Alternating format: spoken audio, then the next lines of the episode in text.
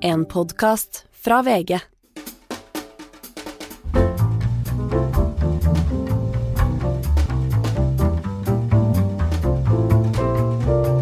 Hei, her får du en smakebit av min samtale med Janne Haaland Matlari, professor i statsvitenskap, ekspert på internasjonal politikk, tidligere statssekretær og en akademiker og intellektuell som går litt på tvers av mange andre innen den bransjen. Eh, Vi snakker om Ukraina-krigen, om Øst-Europa, eh, om eh, Forsvaret, norske forsvaret.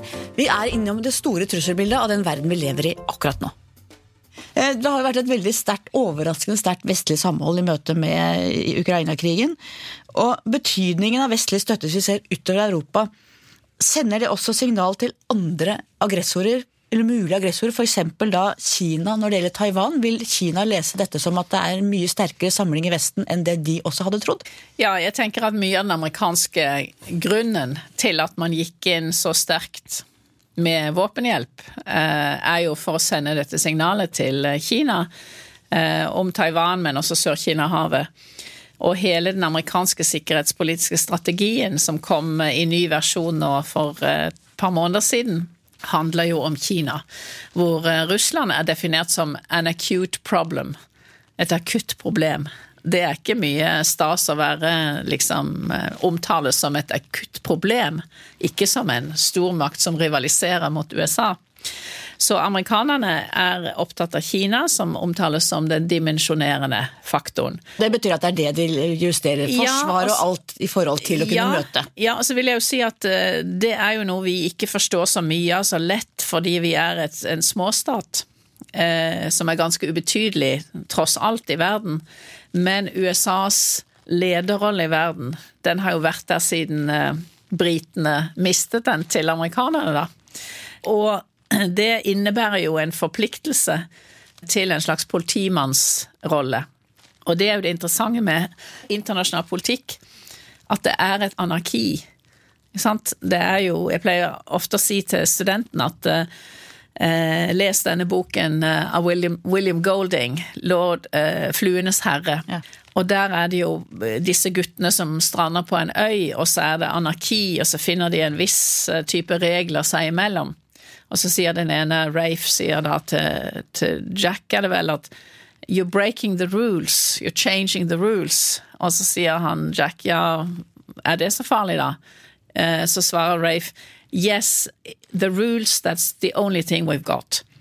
Og det er jo altså eh, at reg folkeretten er så viktig, samtidig som uten makt til å håndheve det, iallfall på et eller annet vis, sånn grosso modo håndheve det, så spiller det ingen rolle i et anarki. Og Leonard Cohen skal ha sagt at 'you're not gonna like what comes after America'. Og da er det viktig å, å huske på at FN ble til i 46 etter annen verdenskrig. Amerikansk eh, design. Amerikansk vilje til å opprettholde den type regelsett som FN-pakten har. Og, og det er jo nei til aggresjonskrig. Det er menneskerettigheter. eh, Det er ikke-intervensjon, altså i stater, men samtidig en hersker har forpliktelser overfor sine eh, jeg håper å si innsatte, sine borgere, som er eh, et minimum av menneskerettigheter. Og her ser vi jo tydelig at det er dette som kommer i konflikt nå. Kina, Russland, andre land som ikke er demokratier, i, den riktige forstanden, vil jo frykte dette. Og frykter jo, Russland frykter jo et Ukraina som er vestvendt, for det er en modell for hva Russland kan bli. Og vi ser jo at den internasjonale rettsordenen nå er under massivt press. Hvis vi ser da nettopp USA som ser Kina som en dimensjonerende trussel, og Natos rolle i et forsvarssamarbeid der nettopp USA ser mer mot Asia, hva innebærer det? Ja, det er jo spenninger i Nato. Natos siste strategiske konsept, som uh, høres ut som sånn concept store, går ut og handler nå, men altså konsept her er jo en plan, en sånn åpen strategiplan, da, som er vedtatt uh, av alle sammen, så det er jo et kompromiss. Men i det dokumentet så står det jo at, og det kom i fjor, så står det en bit om Kina for første gang. Og Kina er da eh, ikke en trussel, men eh, liksom en, en, problematikk som eh, man må Nato må ha, ha, noe å gjøre med, da. Og det er jo amerikanerne som har presset veldig på at Kina skal inn. amerikanerne vil jo gjerne ha Nato i en mye mer global eh, tapning, da. Og hvis vi ser det fra Washington, så er jo Nato bare én av flere allianser som USA har. De, jo, de er jo alliert med Japan, med Australia, Sør-Korea. Eh, de har jo altså et, et sett med samarbeidspartnere. Eh, slik at for dem så er jo sikkerhetspolitikken ikke konsentrert da bare til nordatlantiske rom som Nato-traktaten dekker. Eh, og Nato gikk jo utenfor denne, dette geografiske området etter 1990. Afghanistan, Libya, to Nato-operasjoner.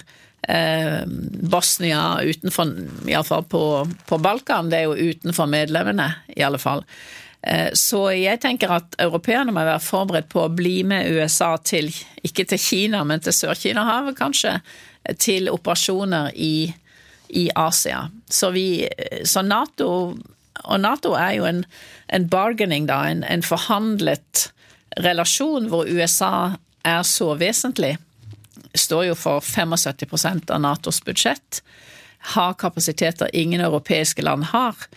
Eh, så uten USA som en aktiv eh, interessent i Nato, som en som eh, satser på Nato, så er ikke Nato verd veldig mye. Og Det betyr også at Norge vil på et eller annet vis bli involvert dersom det smeller i Sør-Kina-havet eller rundt Taiwan, eller det blir en væpnet konflikt mellom USA og Kina?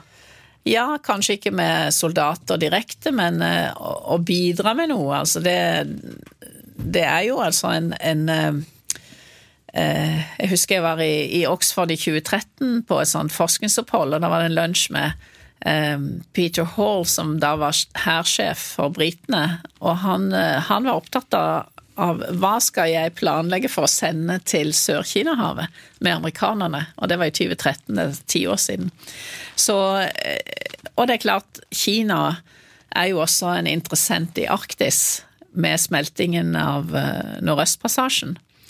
Eh, så det er jo også et sånt eh, Hvis Kina og Russland opprettholder sitt tette samarbeid som de har nå, så er jo Russland så mye sterkere, på en måte. Ja, det angår jo oss veldig, nordområdene. Ja, så jeg tenker at det, det som er kommet tilbake, liksom, og, og, og sjokkerer oss nesten, men som er allerede en realitet, er at sikkerhetspolitikken kommer inn i så mange dimensjoner i norsk politikk nå, også handel Eh, det store spørsmålet hva skjer med forholdet til Kina i, i handelspolitikken. Ja, for hvor tett bør vi ligge på dem? Jens Stoltenberg eh, sier jo at butikk er politikk. Mener du at Norge virkelig bør inngå en frihandelsavtale med Kina nå? Jeg tror det er veldig eh, dårlig tidspunkt, fordi at igjen dette med safety in numbers. At vi må jo være i den gruppen som gjør noe i fellesskap. For ser du på Europa utenfra, så er det jo masse små bitte små land som ikke har noe betydning eh, eh alene.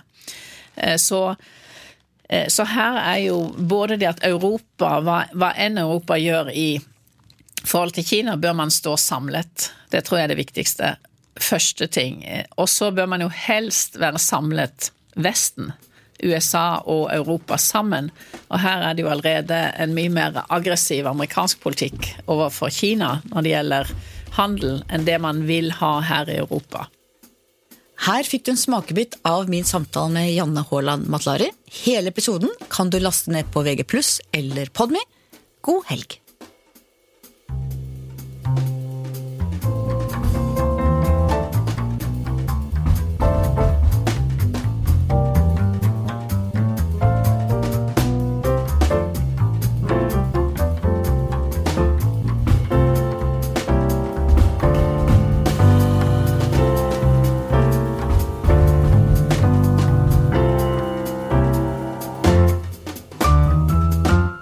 Har hørt en podkast fra VG. Ansvarlig redaktør, Gard Steiro.